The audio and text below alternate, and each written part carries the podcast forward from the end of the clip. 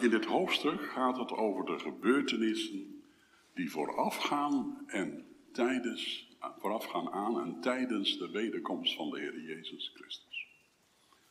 Het is goed omdat je, om je dat te realiseren voordat we gaan lezen. Wanneer moeten we dat plaatsen? Niet in deze tijd. Ook niet in de aankomende jaren. Het duurt tenminste nog zeven jaar, tenminste, voor het zover is. Niemand weet de kalenderdatum, de dag en het uur van Christus wederkomst. Maar we kunnen wel uit het profetische woord afleiden of de tijd nabij is. En we leven nu in de tijd van het beginsel der weeën, zoals de Statenvertalers het vertalen. Oftewel, de gewone weeën van de geboorte van de nieuwe wereld. En straks krijgen we ook de persweeën van de geboorte van de nieuwe wereld. Dat zal een tijd van grote verdrukking worden. Waarvan Jezus zegt, indien die dagen niet verkort werden, geen vlees zou behouden worden. En aan het eind van die grote verdrukking vindt plaats wat hier beschreven staat. Dus niet in de aankomende jaren, maar vlak voor de wederkomst van Christus. Deze profetie, dat zult u wel lezen, die is onmogelijk te vergeestelijken. Dat is soms gepoogd, maar meestal vind je lege bladzijden bij de uitleg van Ezekiel 38 en 39. Die horen eigenlijk bij elkaar. Maar vanwege de lengte zal ik alleen 38 lezen en u moet thuis het 39ste hoofdstuk zeker lezen vandaag. Dat is ook wel van belang. We lezen hier Gods heilig en onfeilbaar woord al dus. Het woord van de Heere kwam tot mij. Mensenkind, richt uw blik op Gog, het land van Magog, de oppervorst van Mesech en Tubal, en profeteer tegen hem. Zo zegt de Heere, Heere, zie ik zal u, o Gog, oppervorst van Mesech en Tubal, ik zal u omkeren, ik zal haken in uw kaken slaan en ik zal u doen uittrekken, u met heel uw leger, paarden en ruiters, allen uitmuntend gekleed, een grote strijdmacht met grote en kleine schilden, die allen het zwaard hanteren. Bij hen zijn Persen, Cushieten en Puteërs, allen met schild en helm. Gomer met al zijn troepen, beet Togarma in het uiterste noorden met al zijn troepen, vele volken met u. Wees bereid en maak u gereed, u en uw gehele strijdmacht, die bij u bijeengekomen is. Wees een wachter voor hen. Na vele dagen zult u gestraft worden. Aan het einde van de jaren zult u komen in een land dat hersteld is van het zwaard. Bijeengebracht uit vele volken op de bergen van Israël, die tot een blijvende verwoesting waren geworden.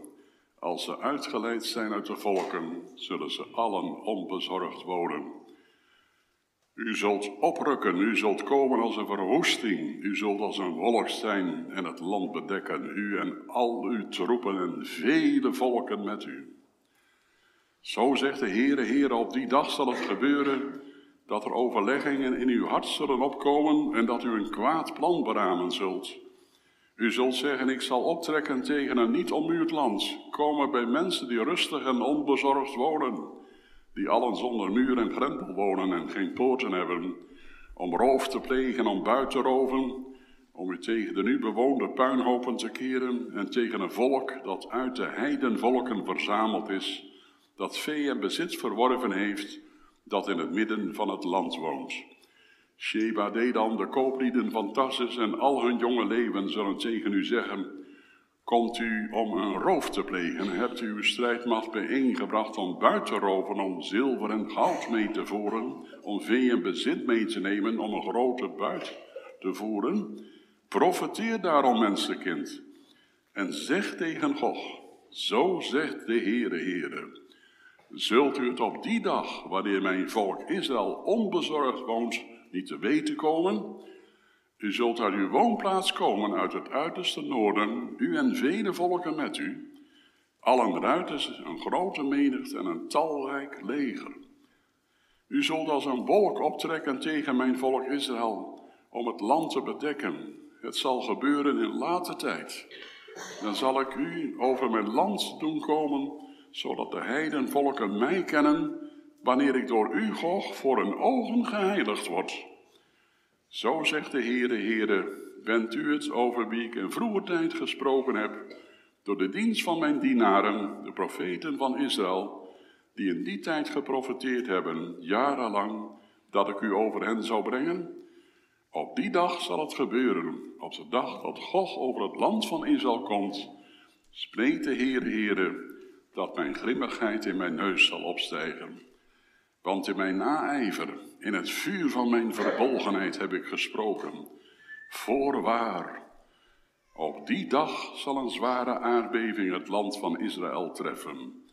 De vissen in de zee, de vogels in de lucht, de dieren van het veld, al de kruipende dieren die op de aardbodem kruipen, en alle mensen die op de aardbodem zijn, zullen voor mijn aangezicht beven. De bergen zullen omvergehaald worden, de bergwanden zullen instorten, en alle muren zullen op de grond neervallen. Op al mijn bergen zal ik een zwaard tegen hem oproepen, spreekt de Heere, Heere. Ieder zwaard zal tegen zijn broeder zijn. En ik zal met hem een rechtszaak voeren door pest en door bloed. Ik zal een alles wegspoelende regen en hagelstenen, vuur en zwavel op hem doen regenen, op zijn troepen en op de vele volken die met hem zijn. Zo zal ik mijn grootheid tonen en mij heiligen en voor de ogen van vele heidenen bekend worden. Dan zullen zij weten dat ik de Heere ben. In hoofdstuk 39, vers 8 wordt er van deze dag gezegd dat dit de dag is waarvan de Heer gesproken heeft, oftewel de dag des Heren. En aan het eind van hoofdstuk 39, wat u thuis dus nog zult lezen, staat, ik zal mijn aangezicht niet meer voor Israël verbergen, wanneer ik mijn geest over het huis van Israël heb uitgestort. Spreekt de Heere, Heren. Dat is een van die teksten die bewijst dat het volk Israël als enige volk ter wereld bij de wederkomst van Christus tot bekering zal komen. Ziende wie ze doorstoken zullen hebben. We hebben niet een speciale tekst, maar we hopen een aantal teksten uit Ezekiel 38 voor u te mogen uitleggen. Gemeente, het is nu dit jaar 50 jaar geleden dat de Heer mij de ogen opende voor de manier waarop je de profetieën uit de Bijbel mag lezen als een reportage van de toekomst. Natuurlijk, aan die opvatting zitten haken en ogen, maar daar gaan we vanmorgen maar even aan voorbij. Veel profetieën zijn reportages over de toekomst. En een van die reportages vinden we hier in Ezekiel 38 en 39. Ik hoef u natuurlijk niet te vertellen als bijbelvaste christenen dat de voorafgaande hoofdstukken ook reportages zijn van de toekomst van Israël, 36 en 37. En Ezekiel 38 en 39 is weer bijzonder actueel in onze tijd. Degene van jullie die googelen op internet naar dit hoofdstuk, of naar sites waarop de oorlog tussen Rusland en de Oekraïne beschreven wordt, vanuit Bijbels perspectief zegt men dan, die stuiten al gauw op Ezekiel 38, want zegt men, Poetin, Rusland, komt voor in deze profetie. Hoe zit dat eigenlijk? Ik ben het niet met die opvatting eens, maar dat zal zo dadelijk blijken.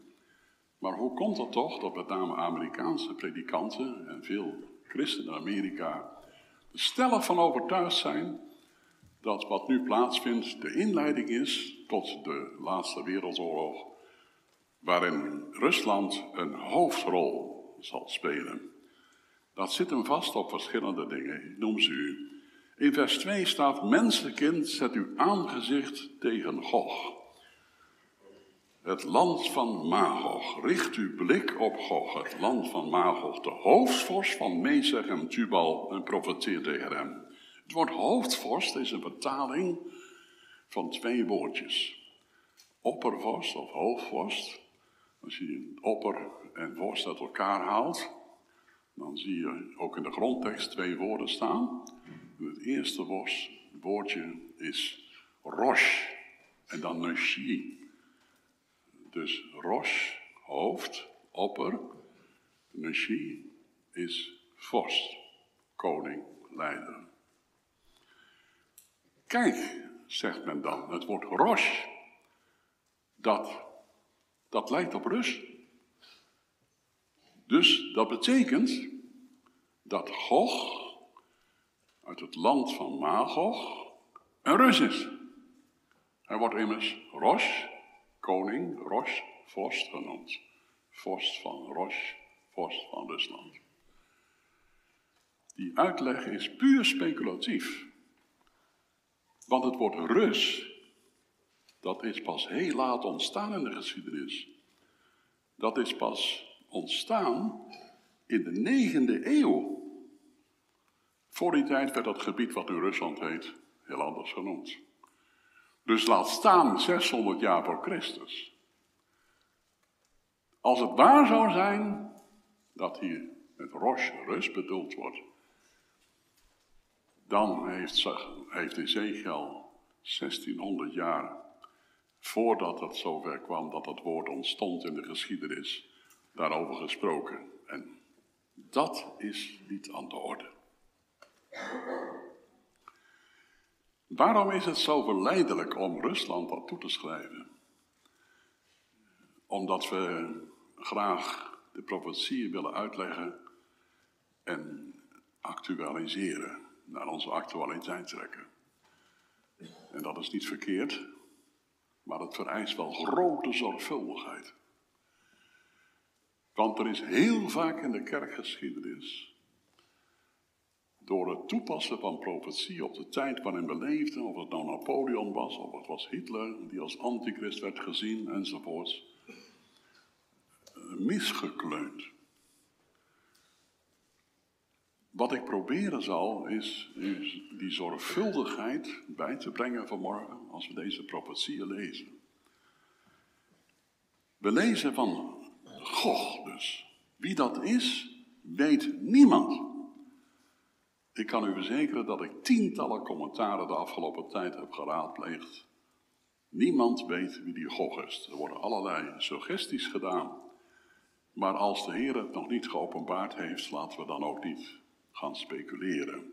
Het woord betekent waarschijnlijk wel vanuit het Sumerisch duisternis. Duisternis. Er wordt van die Gog gezegd dat hij een leider zal zijn. Wees gij tot een wacht van verenigde legers, wil zeggen, wees hun commandant, wees hun leider, wees hun hoofd. En hij komt uit het land van Magog. Hij komt uit het land van Magog. Wat is dat voor land? Wel, na uitvoerig onderzoek ben ik bij de uitleg gekomen dat dat Babylon is hoe het eraan komt. Het woord magog is een atbas. Dat woord kent u niet, maar dat is een cryptogram. In de Bijbel staan een paar cryptogrammen. Bijvoorbeeld in Jeremia 25, vers 26 en Jeremia 51, vers 41 staat het woord Sesach. Cesar. Dat woord is een cryptogram voor Babel. Babylon. Calvijn die wist dat al. Calvijn zegt al, ik twijfel er niet aan dat Caesar Babylon was. En hij legt uit dat die Abbas, dat cryptogram, hier gebruikt werd als een soort geheimschrift. Waarom Jeremia dat gedaan heeft, weten we niet. Zo is ook in Ezekiel 38 Magog, een cryptogram, geheimschrift, volgens de Atbash-methode, waarbij de volgorde van de Hebreeuwse letters veranderd wordt. En dan is het een verwijzing naar Babylon. Babylon, de wereldmacht van de toekomst, die is er nog niet. We vinden in openbaring 14, 16, 17, 18 heel veel over dat Babylon van de toekomst. U moet dat beslist gaan lezen. Want de tijd is rijp dat die wereldmacht Babylon zich gaat openbaren.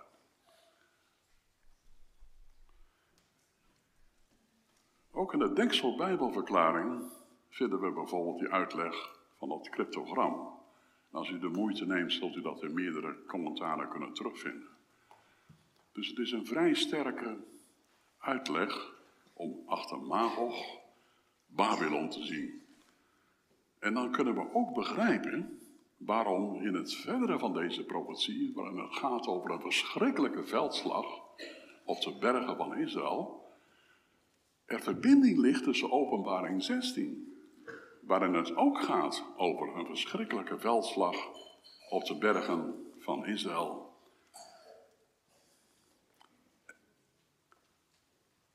En hij verzamelde hen op de plaats die in het Hebreeuws Armageddon wordt genoemd. Armageddon, de verwijzing naar de laatste wereldoorlog, vindt plaats op de bergen Israëls. Vindt plaats aan het einde van de grote verdrukking, vlak voor de wederkomst van Christus. Armageddon door Babylon veroorzaakt. Het grote wereldrijk van de toekomst.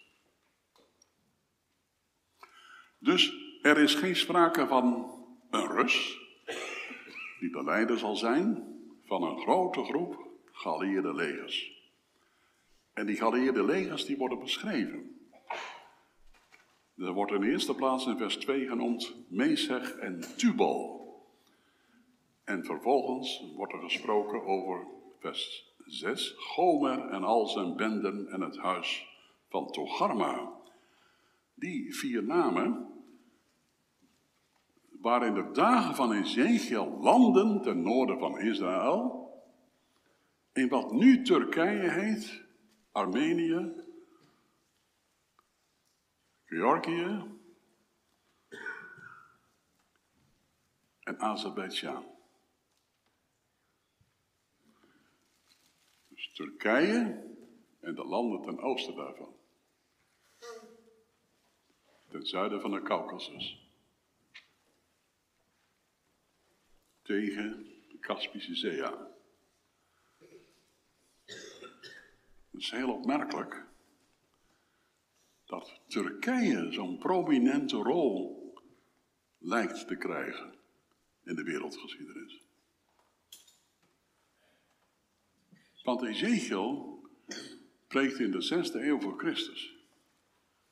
Geen flauw benul van het Ottomaanse Rijk, wat er ooit zou komen en geweest is. En wist ook niet dat de landen die hij hier noemt, in onze tijd Turkije zouden heten, Azerbeidzjan, Armenië, Georgië. Daarnaast worden genoemd, vers 5, de Persen, de Moren en de Puteërs. De Persen zijn de Iraniërs. Tegenwoordig heet Perzië Iran, zoals u weet.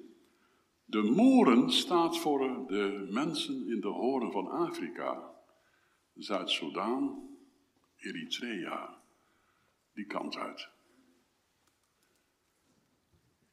En de Puteërs, het land van Poet, dat staat voor de Libiërs, Noord-Afrika. En vele volken met hen. Dus er komt een enorm verenigd leger, een geallieerd leger,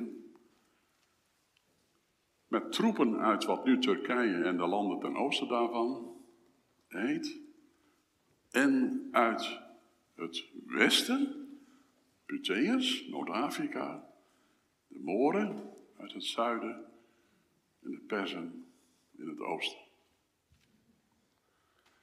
Die landen zijn nu overwegend islamitisch. Dat is niet toevallig. Allemaal. Stuk voor stuk. En wie een klein beetje thuis is in wat er in de geopolitiek, in de wereldpolitiek gaande is, die weet dat Turkije zich enorm sterk aan het maken is. Turkije heeft het grootste van alle islamitische legers. Veruit het grootste leger. Turkije heeft een van de grootste legers ter wereld. En Erdogan en die om hem heen zijn, streven het herstel na van het Ottomaanse Rijk. Een groot rijk wat delen van Europa, Noord-Afrika en het Midden-Oosten onder zijn heerschappij had. Ik ga toch een beetje speculeren, ik zeg het u eerlijk. Als het gaat om Babylon en waar het zou kunnen zijn dat de stad Babylon gevestigd zal worden, want de openbaring wordt uitdrukkelijk van een stad gesproken, dan denk ik eerder aan Constantinopel, oftewel tegenwoordig het moderne Istanbul. De stad op de zeven heuvels. Het is vaak gezegd, Babylon van de eindtijd zal Rome zijn, want het moet een stad op zeven heuvels zijn. Maar Constantinopel ligt ook op zeeheuvels. En een andere optie is dat het Irak zou zijn, waar Babylon gevestigd is, omdat daar vroeger de stad Babel ook gelegen heeft. Wel persoonlijk kies ik voor Constantinopel. Dat heeft meerdere redenen. Daar heeft de kerk van Christus gebloeid in dat westen van Turkije, onder Constantinopel of Istanbul. En we hebben zeven brieven die gericht zijn in het boek Openbaring aan deze gemeentes in West-Turkije. Klein-Azië geheten toen. En in die brieven wordt uitdrukkelijk over de werken van de Satan gesproken. Bijvoorbeeld wordt er gezegd dat daar de troon van de Satan is. In Pergamum. Daar wordt gesproken over de synagoge van de Satan. In Smyrna. Daar wordt gesproken over de diepten van de Satan in Thyatira. Zouden dat, ik zeg het voorzichtig, aanwijzingen kunnen zijn dat daar inderdaad het land van Magog, Babylon van de toekomst, gesitueerd moet worden en dat Gog als een wereldleider en briljant strateeg door God daaruit wordt gehaald, meegetrokken zoals de staat. Ik zal haken in uw kaken leggen, zoals een gevangene wordt meegevoerd om de geallieerde legers aan te voeren die Israël zullen binnenvallen. Is dat het land van het Babylon van de toekomst? Ik nogmaals, speculatie. Maar neem het mee en laten we zien hoe het zal gaan in de toekomst als de Heer die profetie tot vervulling zal brengen. Wat een heel belangrijk punt is is dat de islamieten zelf ook aan Turkije denken. Ook de islamieten hebben een soort eschatologie, de leer van de laatste dingen. En zij zeggen in die leer van de laatste dingen, hoe het zal zijn in de eindtijd, er komt een strijd tegen Israël, die zal beginnen in Gorazan, Perzië. Samen met Turkije en alle andere islamitische landen zullen ze oprukken om Israël te vernietigen.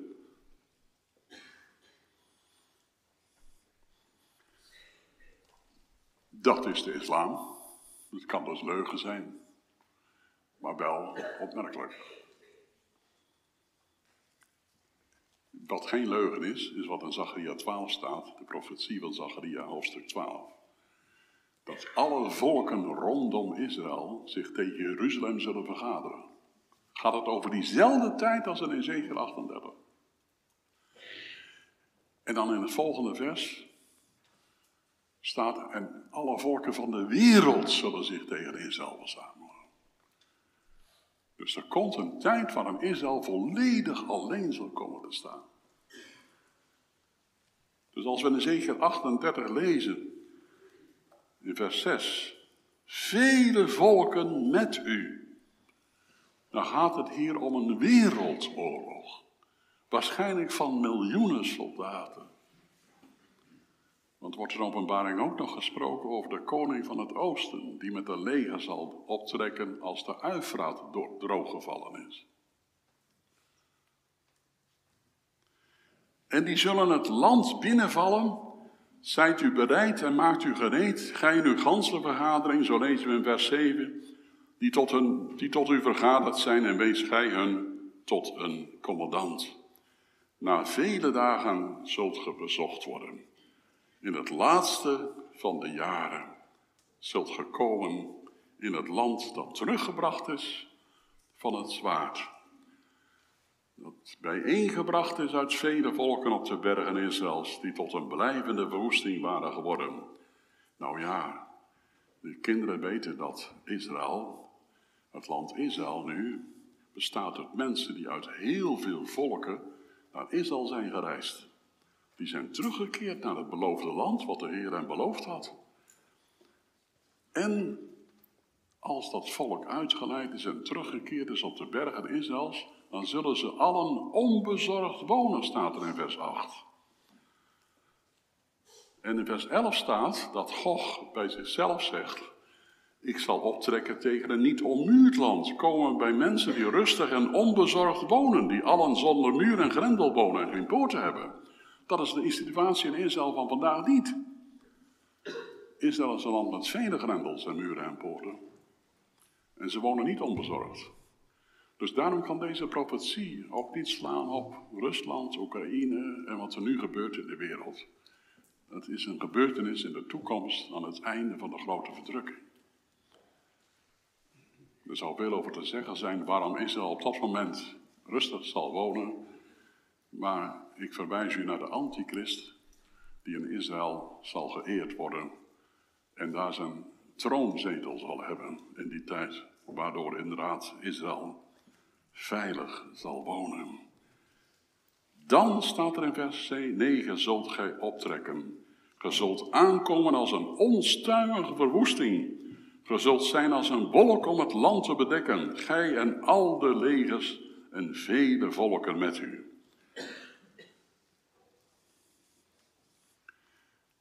Het is opmerkelijk dat die hoofdstukken 38 en 39 van de profetie van Ezekiel in de afgelopen week in Israël gelezen zijn. Want vorige week, afgelopen week niet, maar vorige week, was het feest in Israël. En een van de teksten die bij het feest gelezen worden, is Ezekiel 38 en 39. Je vraagt je af waarom. Want het gaat immers om de laatste wereldoorlog. Het gaat om een enorm leger dat Israël als een wolk zal binnenvallen. Als een sprinkhanenplaag zullen miljoenen soldaten dat land binnenvallen. Dat heeft te maken met het feit dat ze in Israël geloven, Joodse mensen, gelovige Joodse mensen, orthodoxe Joden, zal ik het zo maar zeggen, dat dan de verlossing van Israël zal plaatsvinden. Er wordt gesproken over raadslagen die in het hart van God zijn. Er wordt gesproken over wat God allemaal denkt te gaan doen. Maar het is de Heere, zo zeggen de Joden, en ze hebben gelijk, die Gog aanstuurt. En hem naar het land Israël brengt met al die soldatenlegers om hem te straffen. Om een einde te maken aan zijn heerschappij. Om Israël te verlossen. Het zal dus niet gaan om een laatste holocaust. Maar het zal gaan om een daad van God. Om al de vijanden van Israël bij elkaar te verzamelen. Van wereldwijd en ze daar te vernietigen. Als hij het op zal nemen voor Warmke Jacobs, voor dat volkje Israël. Uit Abraham gesproten, wat de belofte met zich meedraagt, dat het verbond met Abraham van geen wankelen weet. Dat eenmaal de dag zal komen dat Jezus, de Messias, zich aan zijn volk Israël zal openbaren als de meerdere Jozef. En Israël weer zal worden, Ami, mijn volk, Rogama, mijn beminde. Dat is de reden wat daar op het feest Ezekiel 38 en 39 gelezen worden. Ze zeggen dan, de Joodse mensen, God spreekt dan een loofhut van vrede uit over Israël en Jeruzalem. God spreidt een loofhut van vrede uit over Israël en Jeruzalem. Als Ezekiel 38 en 39 tot hun vervulling zijn gekomen. Prachtige gedachte dat, en daar kunnen wij van leren, dat je dus moet, niet moet denken aan een verschrikking alleen, een wereldoorlog en de voorafgaande grote verdrukking, maar dat je je vooral moet richten op de heerlijkheid, de vreugde, de blijdschap daarna. Zoals van de Heer Jezus gezegd werd, dat hij niet zich richt op de verschrikkingen van zijn lijden, op de vreugde die hem daarna ten deel zal vallen. Hebreeën 12, vers 2. Hij heeft het kruis verdragen en de schande niet geacht, zien op de vreugde die hem voorgesteld was. Wij christenen in de eindtijd, we worden opgewekt en door de Heilige Geest aangespoord om niet alleen de krant te lezen en op de hoogte te zijn van wat er gebeurt in de wereld, dat moet ook. En te waken bij het profetische woord, dat moet zeker. Maar vooral te denken aan die glorierijke toekomst dat Jezus is teruggekeerd op de aarde. En het vrederijk, het koninkrijk dat hemelen op aarde zal neerdalen. En hij koning zal zijn te Jeruzalem op de troon van zijn vader David. En al Gods kinderen die ooit geleefd hebben, zijn opgestaan uit de doden en met Christus zullen heersen in dat vrederijk. Dat is het perspectief wat Jezus zelf had en wat de apostelen hebben gepredikt en waar ze bij geleefd hebben en waarbij ze gestorven zijn en misschien dat een deel van ons niet hoeft te sterven omdat de komst van Christus zo nabij is dat alle gelovigen van Apeldoorn in een punt destijds veranderd zullen worden in een nieuw opstandingslichaam. Naast degene die op zullen staan uit de doden, een vader of een moeder, je vrouw of man die je ooit begraven hebt, of je kindje wat vroegtijdig stierf. Wat zal dat een dag zijn? Het is een rooms-katholieke misleiding geweest om de mensen bang te maken voor de dag des oordeels. De dies irae. Stonden de priesters op hun kansels in die donkere kerken. Tegen de mensen te oreren. Om ze angst aan te jagen. Zullen het geen angstige tijden worden dan die komen? Jazeker. De Jezus heeft er uitdrukkelijk voor gewaarschuwd. Lees bijvoorbeeld Marcus 13 thuis maar in de teksten die parallel daaraan lopen in de andere evangeliën. Maar hij belooft ook dat hij ons die in hem geloven zal bewaren uit de uren der verzoeking die over de wereld komen zal. Daar moet u maar eens over na gaan denken en nalezen. Het betekent in ieder geval dat wij niet in angst hoeven te zijn.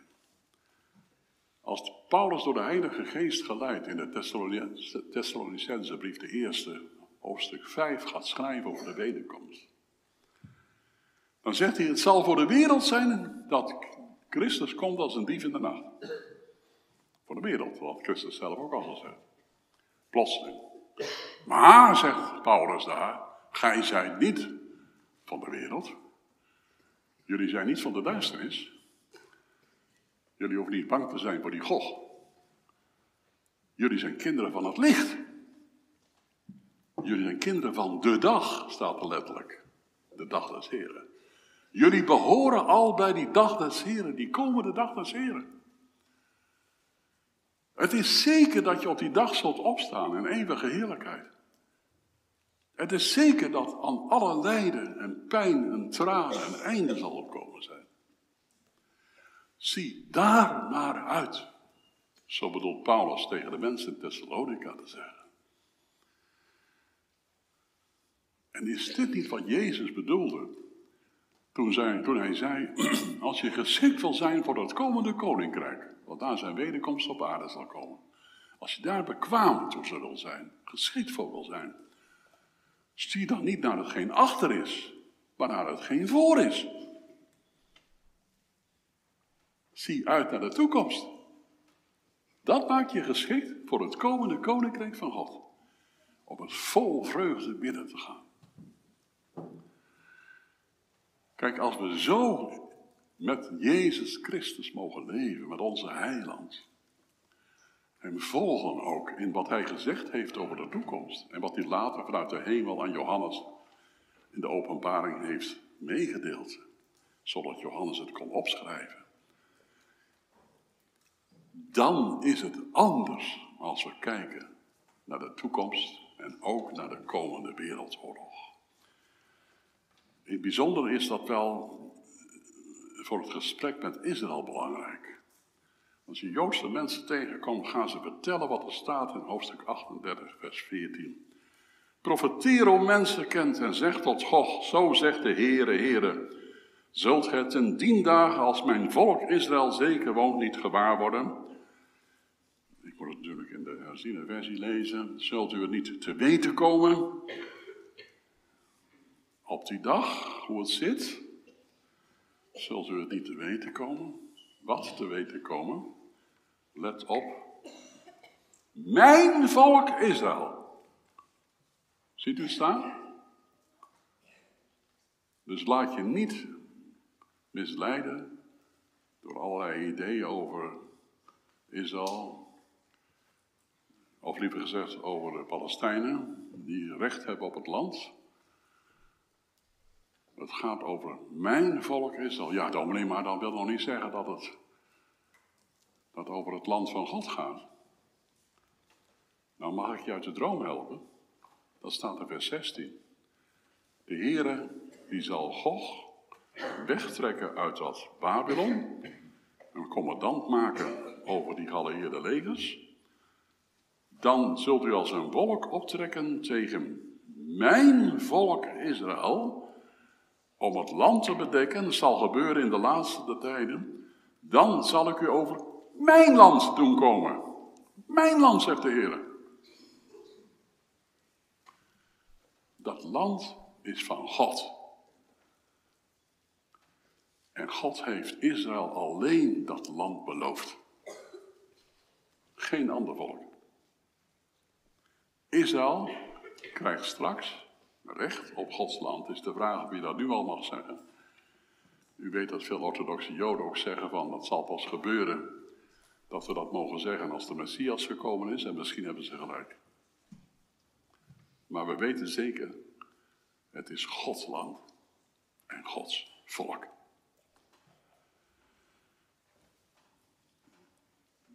Wanneer komt Christus nu terug in deze geschiedenis? Er staat in vers 20, zodat van mijn aangezicht beven zullen de vissen der zee. En dan worden de hele dierenwereld genoemd. Op het moment dat God het land is binnengevallen met zijn legers. Dan zal de grimmigheid des Heer ontsteken, zoals in vers 18 gezegd wordt dan zal hij in het vuur van zijn ijver zijn toren laten gelden. En dan zal er een geweldige aardbeving plaatsvinden.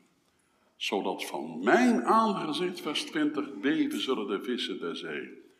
Voor Christus aangezicht, ja, want dan is hij neergedaald op de olijfberg bij Jeruzalem. En voor zijn aangezicht op aarde, want zijn voeten zullen staan op de olijfberg zal dit gebeuren. Een enorme aardbeving. Een aardbeving zo groot dat de hele wereld die zal ervaren. Zo wordt gezegd in Openbaring 16, vers 17. Er geschieden, en 18, er geschieden stemmen en donderslagen en bliksemen en geschieden een grote aardbeving, zodanig er niet is geweest van dat de mensen op de aarde geweest zijn, namelijk een zodanige aardbeving en zo groot. En de grote stad Babylon is in drie delen gevallen. Door die aardbeving zal Babylon vernietigd worden en de steden van de heidenen zullen vernietigd worden. Het grote Babylon is gedacht geworden voor God, om haar te geven de drinkbeker van de, mijn, de wijn van de toren en van de gramschap van God. Dezelfde aardbeving beschrijft Ezekiel en ook Joël en Zacharia, om nog een paar voorbeelden te noemen, die gepaard zal gaan met de wederkomst van Christus. Wereldwijde aardbevingen. Jezaja zegt dat de aarde nog eenmaal zal beroerd worden en zal waggelen, want hij komt. De dag van de wraak is gekomen over alle goddelozen en die de Jezus Christus niet hebben liefgehad. Maar de dag van de verheerlijking is gekomen voor al Gods kinderen die hem wel hebben liefgehad en in dit leven hebben gevolgd waar hij ook heen ging. In Zacharia 14 wordt ons heel gedetailleerd beschreven hoe dat zal zijn. Je moet het thuis maar lezen, Zacharia 14. Daar staat dat Jezus Christus in het heetst van de strijd zal uittrekken tegen die volken die rondom Jeruzalem waren en nu Jeruzalem of Israël zijn binnengevallen en ook Jeruzalem. En hij zal voor hen strijden. En we lezen in Isaiah 11 en openbaring 19 dat hij die volken door de adem van zijn lippen zal doden. Het zwaard van zijn mond. En dan beschrijft Zacharia dat ten gevolge daarvan vele van die miljoenen soldaten verteerd zullen worden. ze zien het vlees van een lichaam verteerd worden terwijl ze nog staan. Sommigen hebben daar een atoomoorlog achter gezien. Ik denk eerder aan de adem van de lippen van Christus, het zwaard van zijn mond. En grote delen van die legers zullen uitgeroeid worden door die overstelpende vuuroordelen die over dat, die legers neerdalen. Vuur en zwavel zal regenen op hen. En we lezen ook in Ezekiel 38 dat een ander deel van die legers het zwaard tegen het ander zal opheffen. Dat zegt Zacharia ook. Ze gaan elkaar uitmoorden. Ze gaan elkaar uitmoorden. Die vreselijke laatste wereldoorlog zal de verzameling zijn van alle vijanden van Israël, die geoordeeld zullen worden op de bergen van Israël. En wij? En wij. Wij zullen getuigen zijn als we in Christus Jezus geloven. Gelooft u in de Heer Jezus? En jij? Heb je hem lief? Heb je zijn woord lief? Ook zijn profetische woord? Als dat zo is, dan zul je getuige zijn van de wederkomst van Christus. Ja, maar dominee, als ik voor die tijd ben gestorven, dan zul je er toch getuige van zijn. Want als Jezus de blinkende morgenster hoog in de hemel verschijnt, zal hij eerst al zijn kinderen opwekken uit de dood. Komt herwaarts op, zal hij dat zeggen. De, levend, de dan levende christen zal in ieder geval zeggen, Maranatha, kom Heer Jezus. Kom Heer. En die opgestane christenen, ik heb het u al eens mogen uitleggen, die zullen hem tegemoet gaan in de wolken. Want ontheven de zwaartekracht. En zullen hem binnenhalen op aarde. Dan zegt Zacharia in hoofdstuk 14 in vervoering, dan zult gij komen en al de heiligen met u, heren. Al zijn kinderen van alle eeuwen. We zullen dus getuigen zijn van die laatste fase van de strijd. En ook onze overleden familieleden die in Christus gestorven zijn. Vervuld zal worden dat als het gaat om de verlossing, Abels gelijk krijgt die zegt, de Heere Heere doet geen ding dan nadat hij, dan nadat hij zijn knechten, de profeten, het geopenbaard hebben. En zijn dienstmaagden en knechten het zal laten zien. Oh, de ganse schepping hunkert ernaar, hè? De dieren- en de plantenwereld, Romeinen 8, vers 23. Naar de openbaring van de kinderen van God. Dat we in een opstandend lichaam op de aarde zullen staan. De ganse schepping hunkert ernaar. Er is voor ons ook bevestiging van al deze dingen in de woorden van de profeten. Want in vers 17 staat, zo zegt de Heere, zijt gij het die van welke ik in verleden dagen gesproken heb door de dienst van mijn knechten, de profeten van Israël, die in die dagen geprofeteerd hebben, jarenlang, dat ik u tegen hen zou aanbrengen. Er is heel veel te doen over deze tekst in de uitleg, want men zegt, ja, er staat nergens in het Oude Testament dat er een Gog zou komen. Dus wat bedoelt de profeet Ezekiel nu? Dat er al jarenlang door God aan profeten in het Oude Testament zou zijn ingegeven dat er een God zou komen. Wel, als God van Magog komt, van Babylon, dan vinden we tientallen profetieën in het Oude Testament over de komst van deze Gog uit Magog. Babylon is een, door Jezaja met name, veel gewoord, veel gebruikt onderwerp om de gebeurtenissen van de toekomst aan te duiden. Er is dus grote winst te behalen, jonge mensen, in het lezen van de profetieën. Lees in verschillende vertalingen. Bid om de opening van het woord, want jullie zijn het die straks als de wereld in paniek is, die tijd aan landgenoten moet kunnen vertellen waar het naartoe gaat en wie ons wacht. Want hij komt, Jezus Christus. Eindelijk.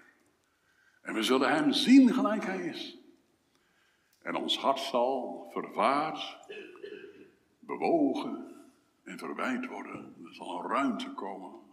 Er zal een vrede zijn zal een licht zijn, met geen pen te beschrijven, als in een opstandingslichaam zijn aangezicht zullen zien, hoe hij daar staat, te midden van al die volkeren en zeeën, te midden van het rumoer van de wereld, die golven van vreedheid, die hij zal stillen om de vrede op aarde te brengen, die bij zijn geboorte al bezongen werd.